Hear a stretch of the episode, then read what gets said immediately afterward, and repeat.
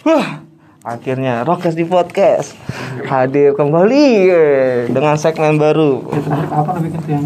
Terakhir bikin tiga bulan yang lalu, eh tiga bulan tiga minggu yang lalu bang. Nah itu ngebahas tentang kekristenan juga. Nah saat ini bikin segmen baru namanya mentor menti. Nah saat ini gue bakal ngobrol sama mentor gue nih, bang Christopher tapi Heru. Kok ta- tapi Heru ya? kurang ajar udah udah kelihatan lu. Rokes banget ya. Tapi rokes di podcast ini di bawah naungan AF Production bang nah itu banyak podcaster podcaster di dalamnya tuh. Ada Foxpot eh siapa sih? Fox lu apa Sam Enggak ada gua. Nggak. ada keluaran ada saya ada eh, PSK PSK Sion Nah, seputar kehidupan. seputar kehidupan sama yang paling susah namanya Commemorationem. nah Bisa Isak ya sudah lah isinya udah pasti kita paham nah bener. wah Ingat PSK tuh. Wah, itu paling diinget ya. Wah, nah saat ini gue bakal ngebahas tentang kekristenan dari dari sudut pandang bapak abang eh ab, iya guru gua nih secara doi kan pendeta nih kan dan juga mengal- lebih dulu dia Kristen daripada saya karena memang lebih dulu dia lahir kan Bukan tobatnya. Uh, belum tahu oh kurang ajar saya Belum tobat. Jangan gue yang belum bertobat nih. Nah, gimana bang? Kenalin dulu dong bang. Mungkin kan lo tidak ada yang denger juga sih sebenarnya kayak ke podcast gue ya. Apa? Iya kan? Itu aja dulu kita. Iya rusuh aja. Namanya juga Rokes. Enggak ada yang denger enggak apa-apa. Nggak apa-apa. Kenalin dulu dong bang. Christopher Tapi Heru lahir 3 Oktober 84 Jakarta. Eh, terus Jambore, Jawa Ambon Manado Rote. Bokap Ambon Rote makanya Tapi Heru, nyokap Jawa Manado. Hmm. Terus eh, kuliah di UPH. Lulus 2007 ambil DKV. Desain komunikasi visual, terus eh, hobinya ngeband. Cita-cita menjadi rockstar. Eh, dulu suka olahraga, tapi sekarang cuma suka nonton sama koleksi yang berbau-bau olahraga. Karena merasa sehat. Aduh. Oh. Oh, jadi gitu ya. Jadi Nggak, nggak bisa. Dengan mengoleksikan suatu hal yang olahraga bisa jadi sehat ya. Wow. Namanya berasa kan Berasa ya, rasa-rasa ya. Oh. Terus uh, udah married dari 2010 uh, sama Lovelia nama istri gua. Jadi kalau nama kita digabung jadi Chrysler, Kasih Kristus. Terus saya punya dua orang anak Dustin sama Dafar. Laki-laki semua badung-badung kayak bapaknya. Melayani jadi teaching pastor dari 2015 di GBI New One International Church bareng Pastor Robert sama Lea Sutanto. Terus eh, apa ya? Nggak pernah sekolah Alkitab eh, sekalipun. Jadi pure otodidak teologi gue. Tumbuh besar di heritage warisan Pentakosta. Besar di gereja beraliran karismatik. Tapi dari 2008 gue bertobat di umur 24 tuh apa gue otodidak teologinya lebih condong ke reform Hmm. Karena buat gue kalau lu mau baca Alkitab bener-bener pasti ujung-ujungnya jadi Calvinis itu menurut gue ya. Karena itu yang pasti ngebahas lebih lengkap lah ya. Jadi itu sih. Tapi bokap gue selalu ingetin jangan sampai kehilangan ciri. Ya almarhum bokap selalu ingetin jangan sampai kamu tuh cuma percuma cuma sekedar lahir sebagai Pentakosta dan karismatik tapi nggak dapet seninya. Dia bilang intinya tuh kita harus tentunya berteologi belajar tentang Tuhan tapi jangan sampai nggak ngalamin Tuhan bilang jangan sampai enggak itu ya itu warisan dari bokap sih jadi gue tetap mempertahankan sisi eh, karismatik dan Pentakosta gue Mengalami Tuhan. Nah, harus mengalami itu harus itu hal yang paling sangat dalam nih. Nah, tapi sebelum kita ngomongin tentang mengalami Siap. Tuhan, kita bakal ngebahas eh, kekristenan itu. Ya. Kan arti kata kekristenan apa, Sam? Apa arti kata yang kekristenan? udah lulus gimana nih Yang udah lulus. orang Kristen Apa itu orang? apa itu kekristenan? orang Kristen apa yang Kristenan ada salam gitu ya Hah? Apa itu kekristenan? kayak kalau itu salib kan ini ya apa namanya eh, ledekan itu Jadi orang Kristen Iya, keledekan. awalnya emang bully. ledekan Iya, ledekan. bulian itu Ah, ah. kayak pastorgram gitu ya Oh, iya, bisa jadi, bisa jadi ya. namanya bully benar benar Iya, setuju. dari yang udah lulus bilang emang Kekristenan itu adalah satu- itu emang julukan Julukan. jadi kan gini Eh, zaman itu tiap suku bangsa itu eh tiap tiap orang itu tergabung di golongannya tergantung lo orang apa ya? Betul. orang Arab, orang Mesir, orang Itali, yang gitu, Hmm. orang eh, Yahudi misalnya. Nah, nggak umum ada perkumpulan yang isinya tuh orang macam-macam. Hmm. Ada orang Italia juga, ada Mesir juga, ada Arab juga, ada ada Kirene-nya juga. Hmm. Nah, perkumpulan itu akhirnya bingung kan, mereka disebutnya apa? Karena semua orang yang percaya Yesus waktu itu dari berbagai suku bangsa itu ngumpul. Nah, akhirnya dijulukinya jadi Kristianoy. Kristiano itu artinya Kristus kecil. Jadi kayak lo ngeliat gue, lo langsung tahu nah ini anaknya Pak Jos nih. Bang." Oh. Kayak langsung tahu siapa bapaknya gitu. Siapa Jadi kayak bapaknya. disebutnya junior, kayak Junior. junior, kayak Kristus Kristus junior lah. Jadi sudah mereka pun ibaratnya dari secara ilmu Kristenan itu kayak meng menjadi lu bilang tadi bahan ejekan kan. Ya, Berarti itu secara sebenarnya. secara nggak langsung mengejek Yesus dan pengikut-pengikutnya. Ya, itu ejekan buat para orang-orang yang Orang-orang yang- dijuluki. Orang-orang yang dijuluki. Kita nyebutnya bingung nih. Hmm. Apa sih ini kumpulan orang ini? Nah, Hmm. karena hidupnya kayak Kristus, maka disebutnya little little Christ, Kristus kecil. Kristus junior. Kristus itu julukannya. Tapi sebenarnya itu lebih refer kalau belajarin banget. Itu refer. Itu kan pertama julukannya di di, di postingnya tuh di Antioquia di posting. Siapa pun yang ini kan shout out kepada siapa pun yang pertama mencetuskan bullying pastor ini Waduh. dari bullying jadi sesuatu yang bukan bully jadi sesuatu yang benar-benar emang ada gitu real yang kekristenan juga awalnya kan disebutnya bully Mm-mm. Kristen tuh artinya itu pertama kali di Antioquia mereka disebut Kristen karena gaya hidupnya kayak Kristus jadi bukan karena ringtone HP-nya Hillsong Wah. bukan karena Playlistnya. Messenger Aduh, semoga disponsorin ya ntar lagi podcast ini. gara-gara itu Oh, enggak, enggak, enggak gitu. karena gaya hidupnya kayak Kristus jadi Ah. mereka disebutnya Kristus Kristus kecil Ah, itu itu dari secara secara Referral sebenarnya itu jadi kayak sebenarnya new ethnos ya kayak etnis New baru etnis baru. kan etnis kan Hmm. Yahudi ah, Mesir Arab jadi ada etnis baru Kristen Kristen. makanya Kristen nggak pernah identik sama suku bangsa tertentu Tidak. ya kan tiap agama sebenarnya identik kalau ngomong Buddha pasti lu ingetnya teman-teman yang Chinese Iya. padahal kan nggak melulu Buddha nggak melulu Chinese gitu. Hmm. Ya, kalau udah Hindu identiknya India India. Atau teman-teman di Bali misalnya Hmm. identik ada suatu suku bangsa tertentu cuma kalau sebut Kristen bisa apa aja Bisa apa aja. Berarti tidak tidak tidak di ibarat kata orang Israel itu Kristen, orang Amerika Ya, Kristen misalnya bisa. kita kalau identik orang Arab, kalau udah bahasa Arab kita pikirnya pasti Islam. Kalau Hmm, belum tentu, belum tentu. Nggak semua Arab orang Islam kan. Ada juga yang Kristen. Kristen Orang Kristen. Arab. Hmm, Ada. ada. Kristen Ortodoks Syria misalnya kan bahasa Ada. Arab. Bahkan bentuknya kayak kalau kita dengar sepintas kayak sholat sebenarnya. Kayak Padahal sholat. enggak tuh doa. Doa. Kalau Kristen. Nah jadi Kristen itu satu-satunya yang nggak identik dengan jadi lebih lebih kayak etnis yang baru. gitu. Etnis Dan kita yang- percaya sebenarnya sama ya. Secara rohani kan kita itu kan kayak Israel rohani, umat pilihan Allah tapi yang versi bukan kelahiran, Hmm. tapi berdasarkan kelahiran kembali. Hmm. Nah itu sebenarnya itu Kristen aslinya sebenarnya Kristus kecil. Ya. Itu dari sudut pa- nah tadi kan dari kita ngomongin tentang si ilmu dan kata dapat tambahan lagi tuh mengenai bang apa tambahan lagi tuh dari bang Kristus rupanya eh, belajar juga bro jadi nggak teologi nggak harus belajar di sekolah karena belum tentu sekolah itu tempat belajar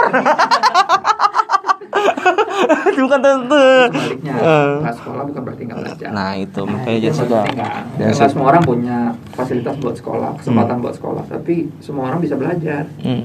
Harus belajar justru. Bapak gue juga bilang gitu almarhum. Dia bilang kalau kita harus harus terus belajar karena berhenti belajar berhenti bertumbuh. Betul. Berhenti bertumbuh berhenti berbuah. Berhenti berbuah dipotong dibuang ke dalam api. panas Ngeri ya. Iya. Panas. Jadi gue ngeliat dari kehidupan bapak gue, walaupun dia dosen sekolah kitab udah puluhan tahun, dia gue khotbah aja masih nyatet bro. Oh. Gila nggak? Apa yang mau dicatat dalam hati gue lu udah tahu semua. Ya dong, lu dosen. Hmm. Apa yang baru dari gue malah mungkin ada yang sesat dari gue lu catat ya kan? Betul. Untuk dikritisi, tapi bukan bapak gue bukan waktu Pak George Khotbah kau catat gak? Ngajar gua. jadi jadi jadi dulu gua tidur nih Eh, aduh udah gak kuat kan Eh. gara-gara tugas besok sampai subuh Begadang-begadang. eh. kamu terlalu banyak berdoa kayaknya pengalaman murid George nih aduh itu gua gak pernah tidur tidur asli Terlalu banyak berdoa. ya. dan banyak berdoa padahal di sana tapi tapi memang kalau kelas sama Om Jurs tuh pasti banyak lah kata-katanya yang tiba-tiba aja lewat terus Hmm. anjir iya juga ya logos tuh bro yang paling gue inget tuh dia bilang Kristus tuh nggak perlu pembela nggak perlu front pembela ada dia yang bela kita kan iya Ya. Itu hal itu akhirnya dihidupin juga nih sama anaknya nih. Wih, gila bagus banget bridging gue gak?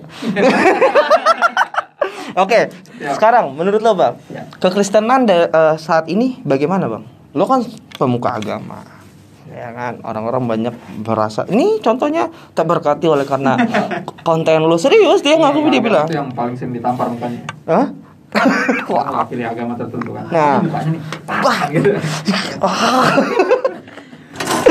Kekristenan sekarang ya gue boleh Hmm. pinjam kata-kata orang yang cukup berpengaruh dalam hidup gue secara teologi namanya Om Eras. Hmm. Om Eras pernah bilang bahwa ada istilah namanya tersesat jalan yang benar. Hmm. Menurut gue kekristenan yang sekarang ini tersesat di jalan yang benar. Kristen sih, Kristen. eh, pelayanan sih, Tuhan Yesus sih. Tapi yang dikejar bukan itu.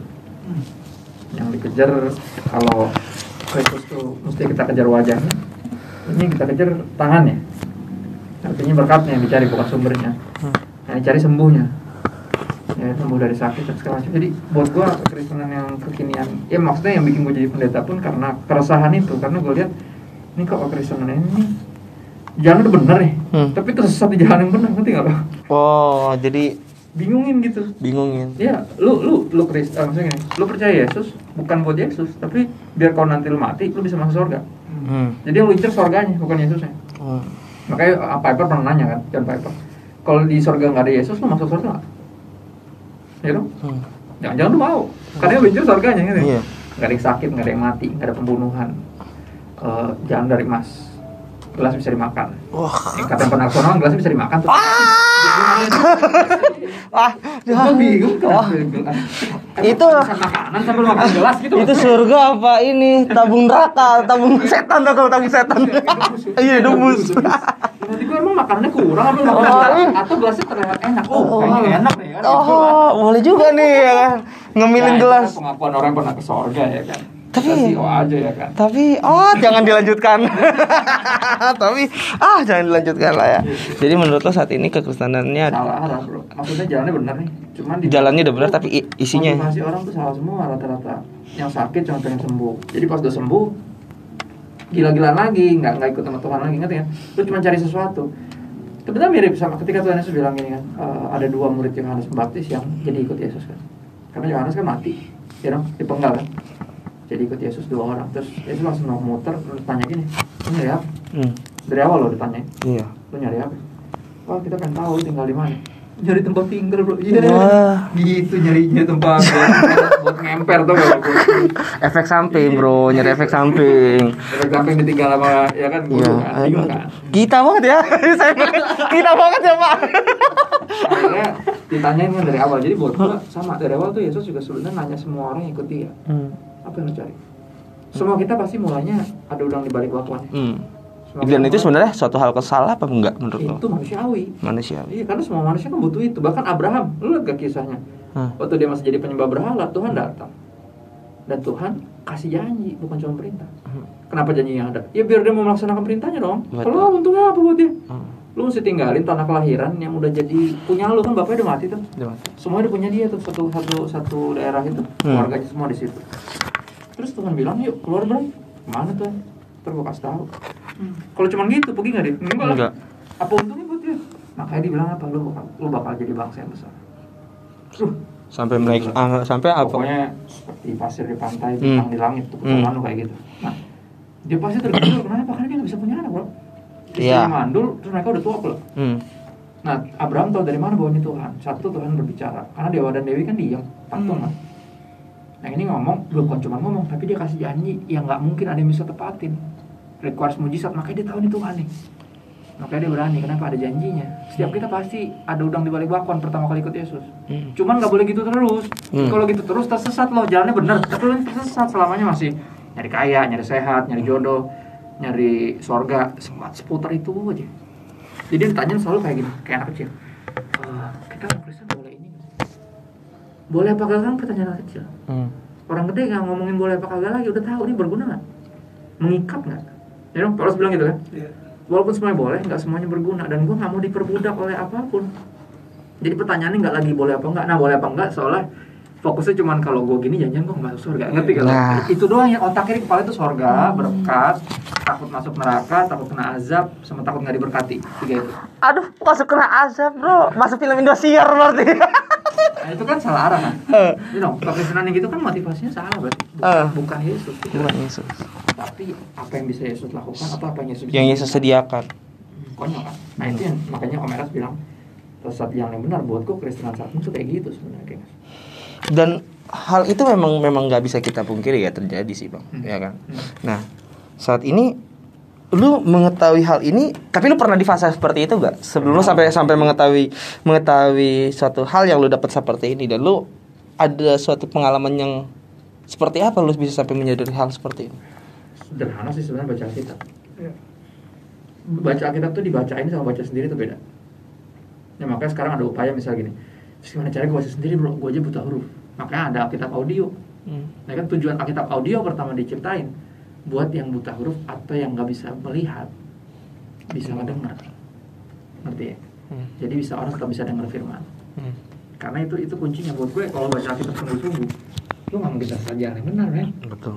lu baca Alkitabnya itu biasanya di briefing jadi tersesat jalan yang benar. Ngerti ya? Di briefing ke arah ngerti kan? Hmm. oh lu mesti cari berkatnya cari yang buat lu nih Hmm. lu di kisah ini lu di mana enggak lu nggak di mana itu kisah semua tentang Yesus Betul. kita di dalam Yesus ngerti ya? makanya kalau nggak kan jadi salah arah kayak gini kan selalu kalau ada kisah Daud sama Goliat pasti di oh kita tuh kayak Daud Cie. Goliat itu masalah hidup kita ya kan? gimana caranya kan gitu ya Tuhan berikan kita lima batu jika dia kasih kita lima kesempatan saudara. Oke. Aduh nih, nggak ada Aduh. Aduh ngomong kok. kan cara baca kita yang salah arah kan Iya, iya. Ah. dia selalu nyari soalnya selalu kalau lu baca kisah tuh lu jagoannya Ah. bukan Yesus jagoannya Iya. Lihat nggak? itu kan salah arah Betul betul. makanya akhirnya apa nggak sebenarnya di kisah itu ya kita yang mana eh Goliat itu ya Goliat itu dosa sesuatu yang tidak terkalahkan Betul. dosa dan maut kan nggak bisa dikalahin sama siapa-siapa Hmm. tapi ada misalnya lain Yesus Yesus itulah Daudnya nah kita yang mana kita bangsa Israel yang ketakutan gimana Iya. itu kita itu kita mesti Kenapa posisi- kita yang Daud? Aduh. makanya. Aduh. posisi lu mesti jelas gitu Iya. ya kalau nggak baca kita lu salah arah nah kenapa salah arah karena yang briefingnya ngaco kok nah yang briefing ngaco itu tapi gereja gede-gede ya?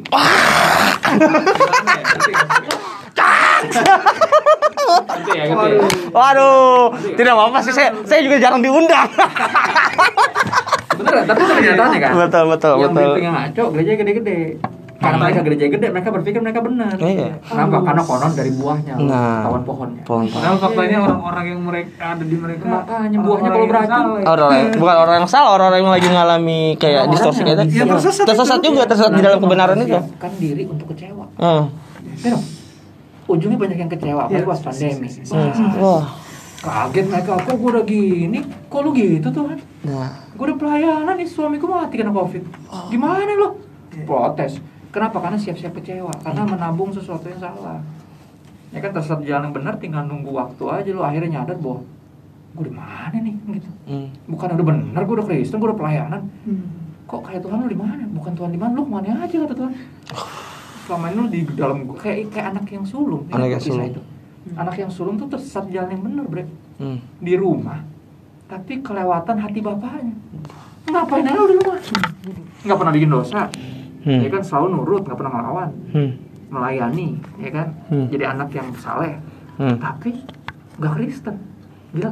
Hmm. Kristennya cuma agama bukan hubungan kayak makanya hati hati bapaknya dia nggak nyampe bapaknya sampai bingung deh selama ini lu bareng gua semua yang lu punya gua punya tuh mesti lu juga punya Hmm. kok bisa ya yang terpenting dari gua yaitu hati gua Hmm. bisa kelewat makanya apa bukankah mestinya hatimu bergembira dan ber apa senang karena adik lo yang hilang diketemukan adik lo yang mati dibangkitkan lagi? Kok bisa ya gue seneng gue happy gue pesta? Hmm.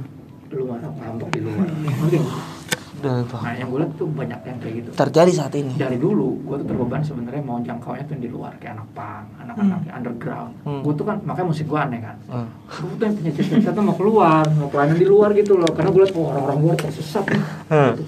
eh akhirnya gue dibawanya ke dalam mulu gue bingung gue bilang Tuhan gue maunya keluar nggak mau kemarin nih Hmm. kata Tuhan coba lihat kisah ini yang hilang siapa ya? Iya sih. yang kemarin yang yang di luar hilang tapi datang balik Hmm. yang di dalam malah hilang nggak mau masuk lagi Aduh. lebih urgent yang mana ngerti nggak? Jadi akhirnya gue dibawa ke situ. Gue gue selalu melihat secara kritis. Pernah jadi satir juga karena ya kan kalau lu nggak nggak nggak apa ya nggak nangkep maksudnya Tuhan lu akan cuma jadi lebih mirip dalam perkembangannya. Hmm. Karena pernah ngalamin gue di posisi itu, gue dulu tuh gini, gue nggak bisa bedain dulu semangat beritain kebenaran sama nafsu nyari kesalahan gue nggak bisa bedain. Sam tuh. gue gue gak bisa bedain bre. Jadi pas gue ketemu yang salah gue kayak dapat harta karun. Nah ngaco nih. Hmm. sikat kan gitu. Ah. dan kalau udah kalau udah benar berasa paling benar Hmm. ternyata bukan gitu bentuknya. Ya kan ternyata tujuannya bukan cuma ngancurin yang salah tapi mulai membangun yang benar Betul. ya kan dan itu yang yang nggak mudah. Dan itu pro- butuh proses. Nah salah satunya ya almarhum ya. Iya. Radit itu ngajarin gue untuk coba bangun yang benar ya. Jangan cuma kritisi yang salah doang karena kritik itu gampang ya kan semua komentator bola lebih jago dari main bolanya benar. Kurang cermat bung. Cermat kurang cermat. Lu kan lu katakan cerdas cermat. Emang lu bisa Lagi gocek ya kan curang curang. Nah, itu maksud Aduh. gue ngerti ya? Ah. mungkin udah udah masuk ke ranah pertanyaan-pertanyaan yang berikutnya tapi nggak bisa dipisahin. Benar. jadi menurut gue karena banyak yang tersesat jalan yang benar itulah kekritisan gue yang tadinya cuma gue pakai buat buat postingan buat buat konten buat, Hmm. buat nyerang orang. Akhirnya Tuhan kasih lihat coba oke lu udah tahu yang salah ini yang benar ini terus buat juga ada bawa lu mau ngapain? Tuhan. Kan pertanyaan selalu gitu. Ya kan bukan cuma sadar masalahnya apa tapi mau kasih solusi nggak? Atau lebih jauh mau jadi bagian dari solusi itu? Yes. nah, nah. Kristen kan tentang itu hati kan? Nah, hal itu tuh. lu bareng gua kok bisa hati gua lu gak punya gitu itu pertanyaannya Ah, gereja. nah, hal ini bang yang menjadi suatu hal eh, keresahan gue nih. Eh, gak tau gue pernah berpikir kayak gini. Ketika lu hidup di dalam apa, lu udah menerima Yesus secara pribadi, terus udah mau di mentoring, terus mulai mengambil pelayanan, terus ada nih pasti pernah ada terjadi di lingkungan gereja, lingkungan komunitas Kristen. Ada pengecapan dengan kalimat posisi bayi rohani. baik Ron ya. Ya kan? Nah, lu tapi yang katanya bayi rohani ini sering banget dituntut melakukan suatu tugas-tugas gereja melebihi daripada orang-orang yang orang-orang yang udah lama di gereja. Dipaksa jadi orang dewasa ya Iya, tapi bapak. dibilang kamu tuh bayi rohani, kamu harus turut, iya kan? Tapi yang gue tahu ya orang bayi apa makannya bubur, ya dong. Harusnya dipimpin, dibimbing, ada dideketin, bukan dibebanin, ya gak? exactly Iya gak? Tapi kenapa yang terjadi saat ini yang katanya gereja Tuhan, katanya ge- dipilih Tuhan, kok memakai orang-orang yang lagi rindu sama Tuhan hanya untuk memperbesar gerejanya? Kayaknya langsung Production kayaknya langsung. Tutup ya. Belum terkenal udah bubar. Ya jadi pertanyaan yang harus ditanya benar itu kayak gini loh kayak perusahaan. Gue kan pernah kerja di perusahaan ya 6 tahun ya.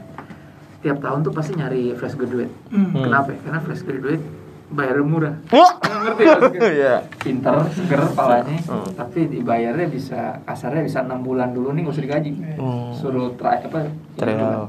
suruh Training dulu. nah dari training baru enam di, dari di review Ah. di review baru jadi karyawan digaji dari dari dari bawah yang paling murah dong Ah. akhirnya tiap tahun gitu terus dibanding bayar yang udah pada senior udah pada tua-tua banyak gaya ya kan Hmm. gajinya gak gedean ya kan mendingan kita cari fresh graduate terus tiap tahun Baru-baru. nah, ah. Amit-amit kalau gereja pakai pendekatan itu. Karena gereja bukan perusahaan. Hmm. gereja itu keluarga. Yes. nanti ya? Hmm. keluarga tuh selalu nyari potensi bukan untuk dimanfaatin. Hmm. tapi untuk dikembangkan biar orang-orang ini jadi lebih hebat daripada orang tuanya. Hmm. benar ya orang tua kalau ngeliat anaknya kan pasti pengen lebih hebat dari dia dari mereka. Makanya mereka coba apa pun ya. Kasih fasilitas pelatihan apa pun pokoknya anything lu harus lebih hebat dari gua Hmm. kan mentalnya gitu ya orang tua yang benar ya Hmm. makanya gereja yang kayak gitu tuh agak langka sebenarnya Hmm. ketika gembala tuh pengen siapa pun yang dia tarik untuk masuk jadi percaya ini tuh untuk lebih hebat dari dia Hmm. biasanya justru malah dis, coba disingkirin karena wah bahaya nih dia udah mulai bikin komsel Wah. gawat nih gitu ntar lagi dia ya. iya ntar lagi dia Wah punya potensi jadi pemimpin nih. Ah, anak saya belum naik. Anak saya belum naik kok kamu udah jadi pemimpin. Jangan jadi dong. penjahat kelamin kamu udah bikin komsel maksudnya bahaya nih nggak boleh gitu Karena anak saya harus meneruskannya. gitu Iya, ya, pasti. ini gereja yang Tuhan kasih ke keluarga saya, bukan ke kamu. Wah. Jadi mirip perusahaan akhirnya. Jadi pendekatannya lebih kayak tadi. Soalnya nyari fresh graduate akhirnya dimanfaatin. Konyol. Ya buat gue justru sekarang gimana caranya? Harus gini kakak mentor tuh kan justru melihat dalam diri anak yang dia mau mentor Hmm, punya potensi. biar anak ini jauh lebih hebat dari dia one day Hmm. ya dong diperlengkapin biar untuk jadi lebih hebat. Targetnya adalah gitu. Kalau enggak kalau cuma Parno ada yang gantiin apa beda sama Herodes? Aduh. ya dong kita ini posisinya mau kayak siapa sih gitu. Hmm. ya kan bahkan eh, bahkan Yesus pun bilang gitu kan barang siapa dalam saya ini akan melakukan yang saya lakukan bahkan lebih besar dari itu. Nah kalau Yesus yang ngomong gitu kenapa yang lain kenapa jadi kayak Herodes dibanding kayak Yesus gitu? Hmm. ya dong dan buat gue sangat disayangkan sih pola-pola seperti itu Hmm. ya ya, jadi selalu nyari yang volunteer volunteer volunteer tapi dimanfaatin ujung-ujungnya buat buat Betul. kebesaran nama sendiri dan gembalanya kan konyol Kebesaran gembala bukan kebesaran Tuhan.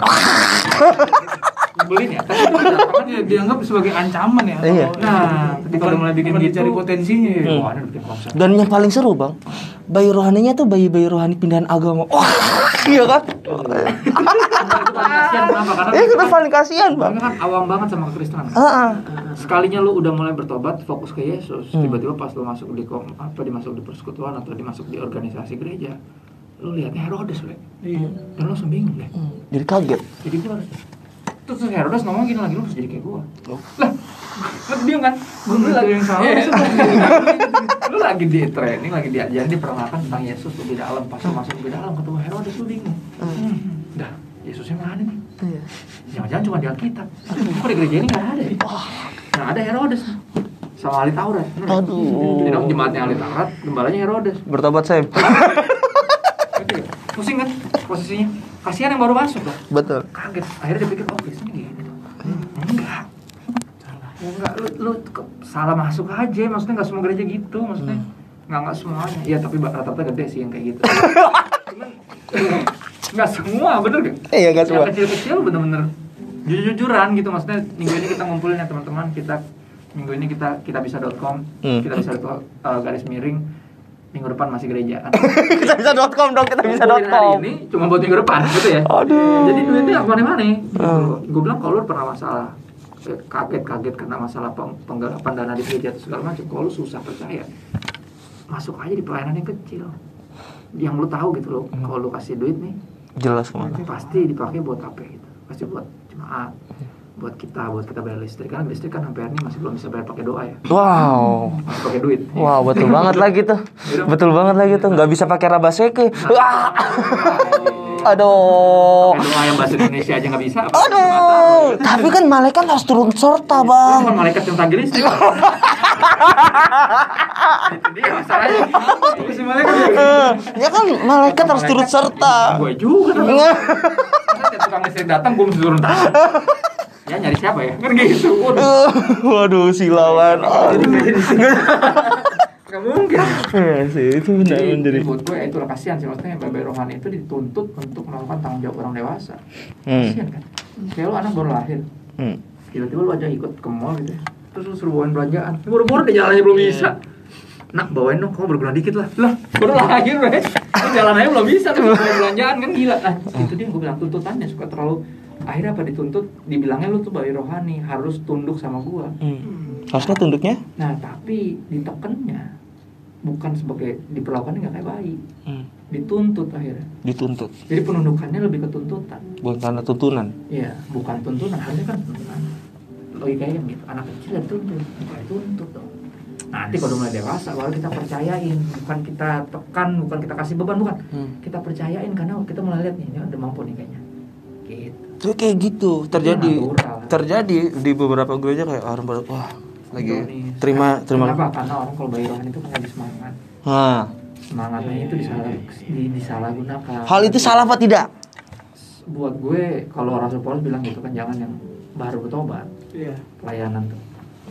Bukan artinya mentra apa tidak Bukan baru masuk dipercayakan. gereja. Nah. Kalau baru masuk gereja kalau Kristen dari dulu udah bukan baru bertobat dong. Iya. Iya dong. Kalau itu nggak pakai lama harusnya udah bisa pelayanan. Udah Cuma kalau bisa. dia baru dari server lain, Iya. Hmm. kan kita ngomong konteks itu. Hmm. Yang benar-benar nggak tahu Yesus itu siapa, kekristenan itu apa. Ya harusnya kan dituntun dulu Dituntun dalam hal-hal yang fundamental. Mm-mm. Dasarnya udah beres, doi udah bisa berdiri, udah bisa jalan. baru kalau bisa jalan disuruh bawain belanjaan Hmm. lah baru lahir suruh bawain belanjaan gimana bingung kan Nah itu yang jadi kerapuhan ya itu yang jadi kadang-kadang jadi masalah di mengenai kekristenan banyak kayak gue lihat juga ada orang-orang yang kayak ini bukan ada gue lihat dia belum baru pindah mungkin karena orang bukan karena kerinduan. Betul. Terus kalinya dia jatuh pindah lagi. Jadi kayak dipermainkan wah Ya kan? karena dia merasa dimanfaatin. Dimanfaatin. Dan juga kadang ada orang yang ba langsung dikasih posisi yang ibarat kata yang dari bukan gue nggak gue nggak bisa ngomong bayi rohani loh. Karena gue bagi gue statement bayi rohani ini nggak bisa pokoknya hal rohani nggak bisa diklasifikasi kalau menurut gue bang. Iya. ya soalnya kadang eh, tolak ukurnya apa sih tolak ukurnya apa sih jadi bayi rohani gue nggak tahu nih Ya, walaupun harusnya bisa ya, maksudnya basic-basic Christianity kayak ini Kristen kan basic yang yang utamanya kan tiga sebenarnya. Ya kan Alkitab itu firman Tuhan, Hmm. Yesus itu Tuhan, Tuhan itu Bapa Putra Roh Kudus, tiga itu kan. Hmm, Itu yang bikin kekristenan tuh Kristen. Di luar dari itu lu nggak bisa sebut diri lu Kristen. betul Misalnya contoh yang paling selalu dianggap remeh, berapa orang anggap Alkitab itu bukan berisi firman Tuhan. Eh bukan firman Tuhan, tapi hanya berisi firman Tuhan. Right? Hmm. Buat gua itu nggak, itu pandangan yang nggak salah. Hmm. Ya, tapi kan kita sebutnya sebagai perbedaan tafsir. Hmm, ya. Itu makanya banyak orang yang akhirnya anggap firman Tuhan Paulus tuh kayak temen main gundunya dia. Hmm. nanti kan? Dia pikir sepantaran dia sama Paulus. Hmm. kagak bre. Lu Iya. pernah ke surga tingkat ketiga gak? ngerti gak mas gue ya? Akhirnya kayak karismatik gue main ngerti gak? Hmm. jadi adu sakti ya. Karena gue suka suka sebel gue kalau ngeliat orang tuh yang memperlakukan kayak ini tuh maksud Paulus bukan gini. Oh ya ngerti deh yang sohibah Paulus gitu ya. Apaan sih lu kata siapa Paulus gak bilang gitu. Kan kayak dari dulu ortodoksnya gini Hmm. maksudnya tiba-tiba lu Tulisannya gitu. kayak teman main gundunya Paulus dari masa lalu. Anjir. Lahirnya baru tahun berapa kan sih? Nah itu dia yang gue bilang. Hah. sebenarnya tiga itu jadi patokan. Itu kan selalu yang fundamental ya. Gue bilangnya close handed issue kalau lu nggak percaya ketiga itu lu diragukan kekristenan. Hmm. tapi kalau lu udah bener-bener fundamental ngerti. Hmm. dan minimal belum bisa jelasin tapi udah percaya. Hmm. misalnya gini trinitas. Hmm. Siapa bisa jelasin? Nggak ada. Nggak ada. yang bikin buku banyak. Tapi Hmm. belum tentu jelas juga. Dia juga masih perjalanan bro. Sebelum kita masuk surga kita masih misteri di sini. Yes. dia tiga apa satu? Hmm. jawabannya iya. Tiga tapi satu satu tapi tiga Jawabannya iya. Saya mikir, gue juga mikir lagi. Iya juga ya. Betul, lu Hmm. cuma bisa terima dia apa adanya dia itu bapak putra roh kudus Hmm. dia terima dia apa adanya lah tapi so sorry bro dia masuk akal men kalau dia masuk akal dia bukan Tuhan bro Iya. Betul. Iya.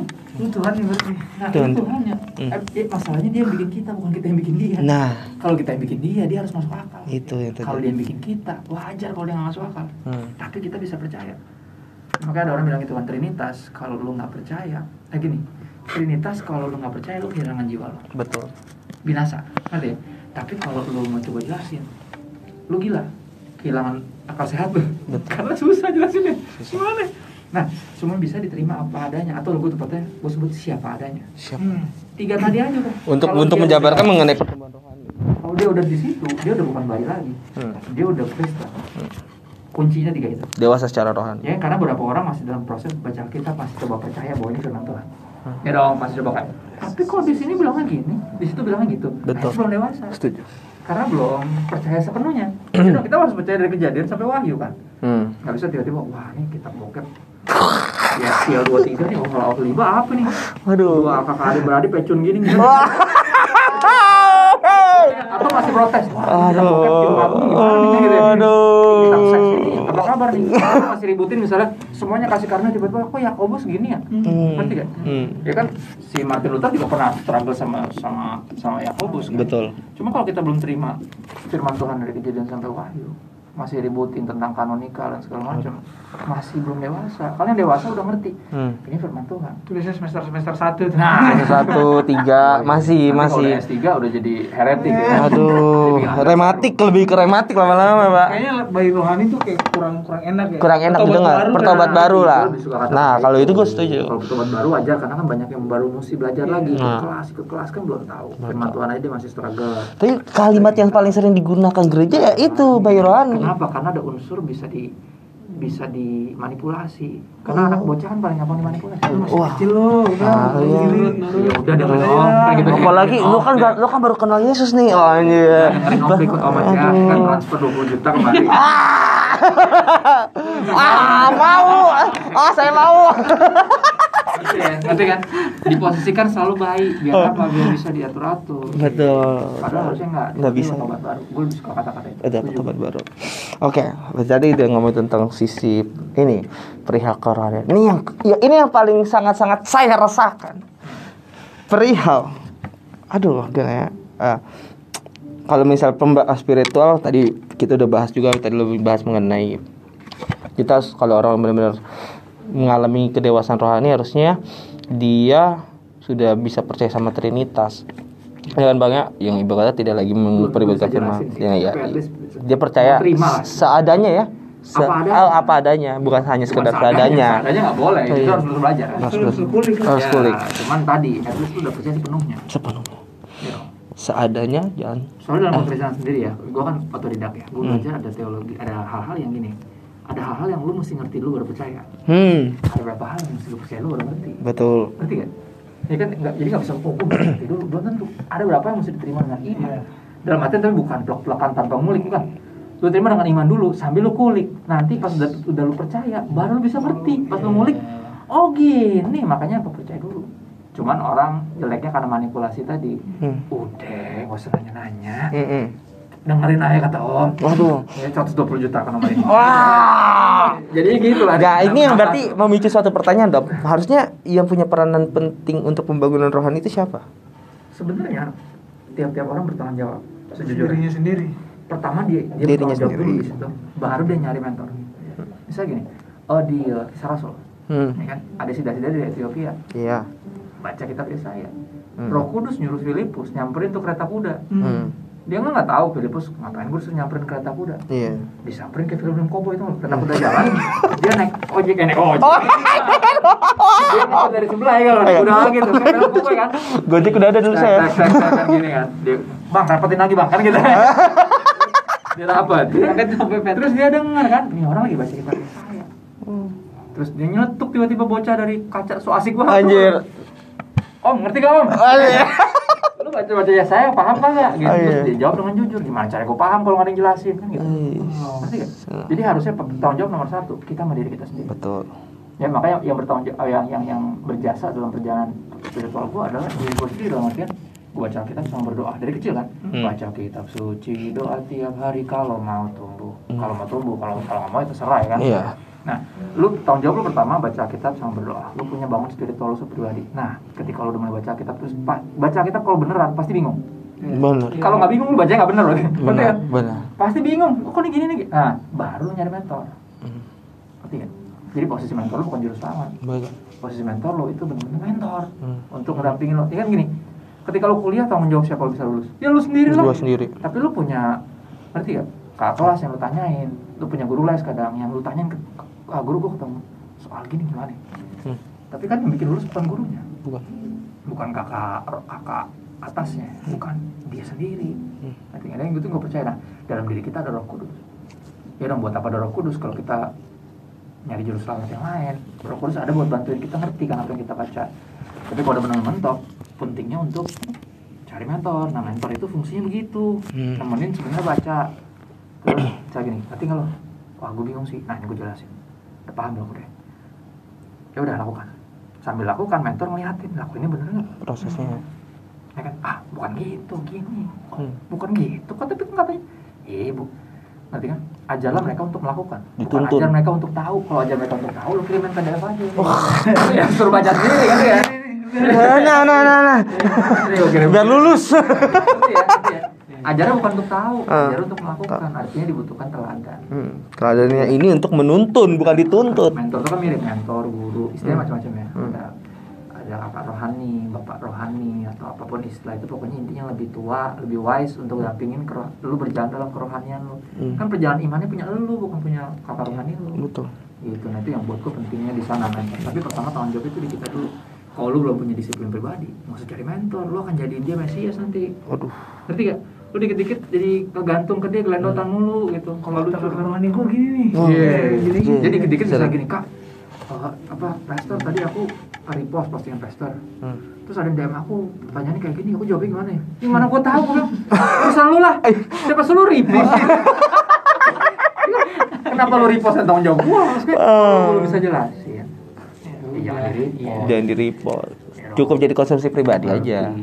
Jangan jangan sok ambil mau mau dapat kerennya doang. Tapi kan? Dapat likes dapat followersnya Eh. DM. Bingung. gue lagi mau kerjain. Tapi kayak kurang banyak yang DM gue ah tidak. nah itu kan ciri namanya lu nganter ngandelin mentor lu. Oh betul. dikit-dikit pas lu bikin kasus dia lagi yang turun. Aduh. harusnya kan enggak. Ya, harusnya kan justru sebelum bikin kasus kita tanya mentor kita "Eh, kak gini bukan nih Hmm. ya kan gue mau bikin usaha gini gini Hmm. kira-kira di binomo nih judi atau Oh. misalnya misalnya ya kan Selot kali ya.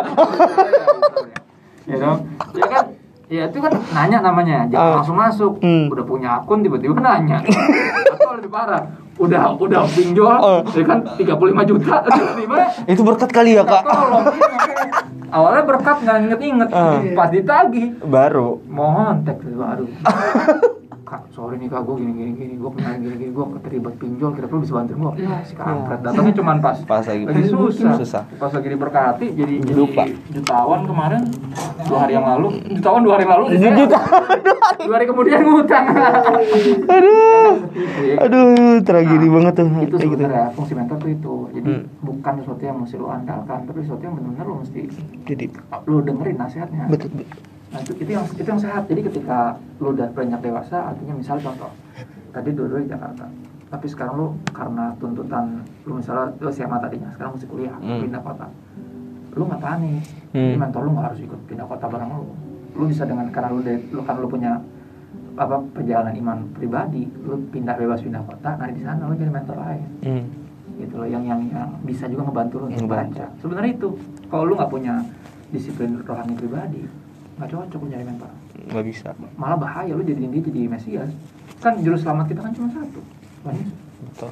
bukan orang itu nah itu yang gue lihat kultus individu lahir dari sana Kultus. kayak pendeta-pendeta besar sekarang kan di posisinya udah kayak Tuhan kan Hmm. Tapi seneng. Tapi seneng. Iya kan. Aduh. Lokes beneran. Namanya juga roket. Nah, hal tadi yang eh, lo sing- eh, singgung mengenai ini bang. Tadi perihal postingan. Oke. Nah, perihal postingan. Menurut lo nih bang, efisien gak sih di zaman-zaman saat ini perihal postingan rohani? efisien rohani efisien banget justru Hmm.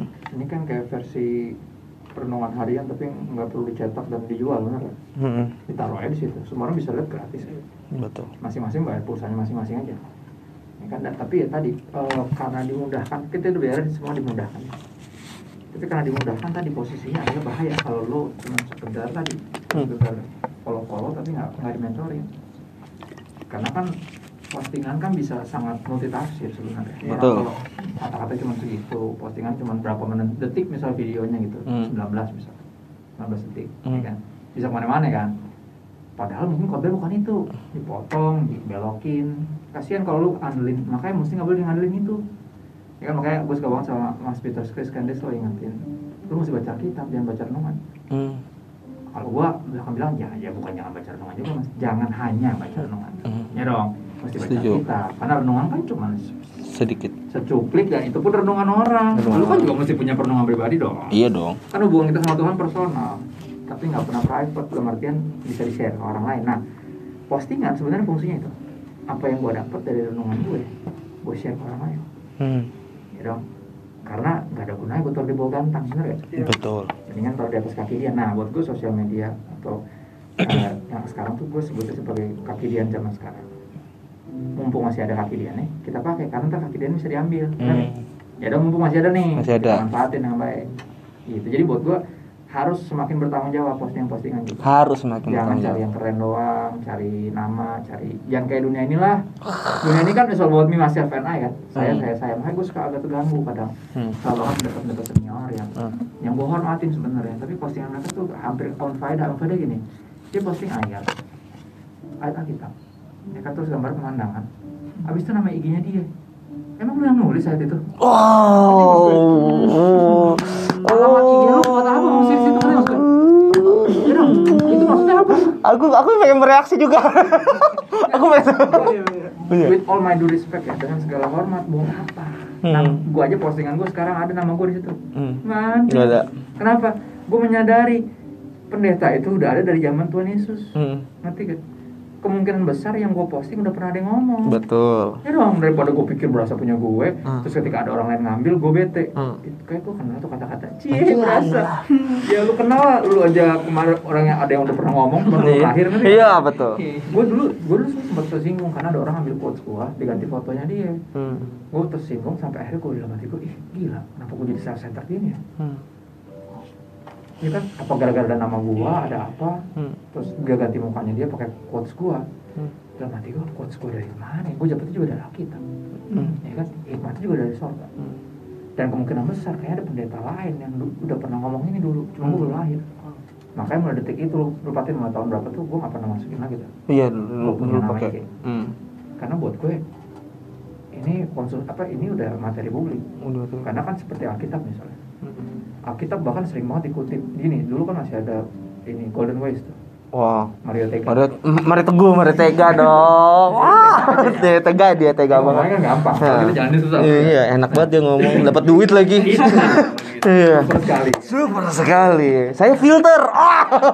Dia, dia sering banget kutip Amsal, tapi nggak kasih tahu itu Amsal nanti. Betul. Nah kalau Alkitab bisa dikutip gitu, kenapa quotes lu nggak bisa? Siapa lu Tuhan? Ngerti nggak maksudnya? Nah gue tuh itu disiplin personal gue. Hmm. Teman akhirnya apa kita mesti makin bertanggung jawab. Kalau lu nggak siap mau bertanggung jawabkan postingan, misalnya kayak gitu ya. Kalau gue nggak siap didebatin akun-akun satir, jangan posting. Betul. Ya kan ada momen di mana serangan terlalu berat, semuanya gue kayak dikeroyok masa. Kenapa gue nggak suka langsung ngomong di situ? Karena jadi dikeroyok pasti. Betul. Dikeroyok nggak faedah buat jiwa gue, nggak Hmm. faedah buat yang ngeroyok, nggak faedah buat yang ngeliat gue dikeroyok. Hamba Tuhan nggak boleh berantem. Hmm. Pas dikeroyok, pasti lo akan coba nyikapin kayak orang berantem dong, namanya juga keroyok. Ya kan satu, orang "Wih, pendeta kok emosi lah. Hmm. Nah, lu katanya gue bukan manusia, nggak punya emosi. Iya. Gitu. Ya kan? Nah, posisinya akhirnya mah gue selalu bilang, ayo deh, DM aja deh kita. Gitu. Ketemu Hmm. ketemu deh kayak gini. Apa apa? Kalau ada menurut lo ekse- eksegetis yang ngaco ya. Hermeneutika sampah misalnya gue punya nih, kasih tahu. Iya. Gue akan bela, maksud lo gimana nih? Salahnya di Ya mana? kan? Lu tuh anak Tuhan bukan anak anjing, Hmm. ya kan? Hidup jangan kayak anak anjing. Wah, Hmm. Parah banget lo, kita nih anak domba, lu anak domba Tuhan Yesus. Iya benar ya ya ya ya ya. Iya, betul betul betul betul betul Gue betul. aja. Tekstual sekali pak. Tapi Rasul Paulus yang bilang, Hmm. ya kan? Paulus memanggil pengajar-pengajar sesat anjing-anjing. Hmm. Kalau Paulus boleh pakai kata anjing, kenapa gua nggak boleh? Ya. Cuman kan tadi secara hermeneutik nih sebenarnya nggak gini. Oh ya udah oke. Yang DM gua nggak ada. Hmm. Berarti cuma serang di postingan doang. Ah, Kenapa? Karena kalau gua balas di situ, Seru tuh. Seru. ini apa pansos. Pansos nggak? Kan terjadi jadi pansos. terjadi ya. Maksudnya gini, IG-IG para para Pansos emang Kak Krista siapa? makanya diserang gue Radit ya kan Iya. yang follower banyak Hmm. nah profesor-profesor liberal yang follower cuma tiga ribu gitu. Iya. nggak diserang Ya, karena mereka profesor. nggak ada pansosnya juga satu takut salah Takut salah. kalah dong Takut kalah, Profesor jelas. pinter dong Iya dong. kita nggak sekolah karena Hmm. gue sama Radit nggak sekolah Hmm. salah menumpuk kita Hmm. satu buat di, didapati bersalah Hmm. dua buat pansos Aduh. ini kan hari gue liat gue liat nih rata-rata nih motivasinya ngaco nih kayak gue dulu Hmm. gue juga dulu motivasinya ngaco karena tadi gue pengen membuktikan betul itu itu gue nah dari gue bilang semangat memberitakan apa semangat memberitakan kebenaran sama nafsu mencari kesalahan tuh kalau tanpa roh kudus tanpa bantuan roh kudus kita nggak bisa bedain. Hmm. rasanya mirip Hmm. asli. Ya, makanya gue gue bersyukur lah Tuhan proses lewat lewat serangan-serangan teman-teman juga. Gue kan sebut tetap teman-teman gue gak pernah ngasih itu musuh soalnya. Hmm. karena kita di tim yang sama. Makanya gue pakai hashtag selalu same team same guard kan saing sayang sayangan bukan saing saingan Iya. gue ngedisiplin diri gue untuk nggak ngeliat mereka sebagai musuh. Betul. Kalau nggak nanti ketika digabungin jadi satu tim gue agak canggung. Betul. kayak Saulus ya. Saulus kan dulu kan bunuh-bunuhin orang Kristen. Terus tiba-tiba tangkepin, tiba-tiba dipakai jadi rasul. Kalau murid-muridnya nggak nggak diproses sama Tuhan nerimanya susah. Susah. Yang kita tahu kan berapa waktu dia, Iya. dia mesti menyendiri pelayanan di tempat lain dulu buat para murid tuh percaya bahwa ini orang udah beneran takutnya ntar dia cuma nyari tempat Untuk membunuh. pas kita ini dibunuh pas kita lagi doa pas Lucu. melek pedang ya Siap sih, tapi gak gitu juga. Kan pakai hikmat ya kan. Ya kan?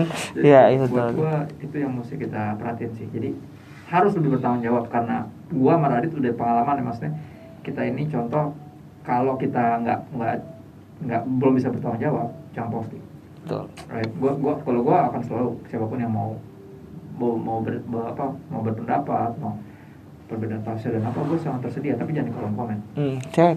DM aja okay. Tapi gue pernah bang gituin orang bang. Hmm. Terus responnya gak kayak lu.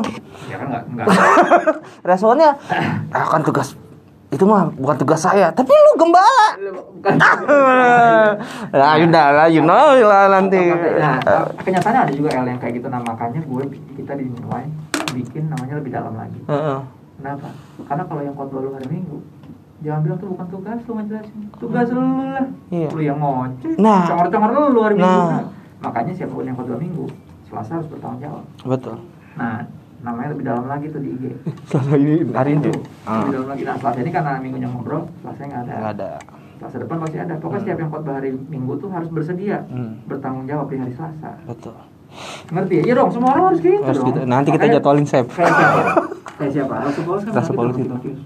Awasi diri lo awasi ajaran lo Betul. Ya, dengan demikian lo menyelamatkan mereka yang mendengar lo dan lo nyelamatin diri lo sendiri Betul. Dan Ya iya, bisa itu, bilang itu sehat. Nah, itu lu lalu yang khotbah gitu Iya itu sehat Hmm. kalau kan itu pemikiran lo bang. Tapi kita nggak bisa pungkirin ada orang yang di sosial media membagikan remanya bukan firman bagi gue.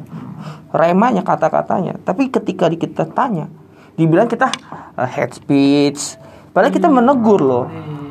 Terus kita tanya nih, terus dia "Eh, saya cuma membagikan apa yang saya dapat. Ya gue bertanya apa yang lo dapat, gitu. Gue dapat darah tinggi tuh gue. Dapat dari mana? Dapat dari Gitu. mana? Dan apalagi dia, apalagi lu sekolah lulusan luar katanya, ya kan? Siapa sih bang? Sih? jangan, jangan dong, jangan dong, jangan dong. Jangan. Ah! Ini gampang Yesus bertato. Ah! Boleh rese jangan. jangan. nah itu gua, gua yang agak sedikit bilang, ya gua cuma pengen tahu tanggapannya apa. Kenapa dia bisa ngomong gitu? Lu bukti bukti apa? Dan lu gua, dan gua tahu lu sekolah lo. Lu sekolah yang ibaratnya lu sekolah sekolah luar yang orangnya karismatik.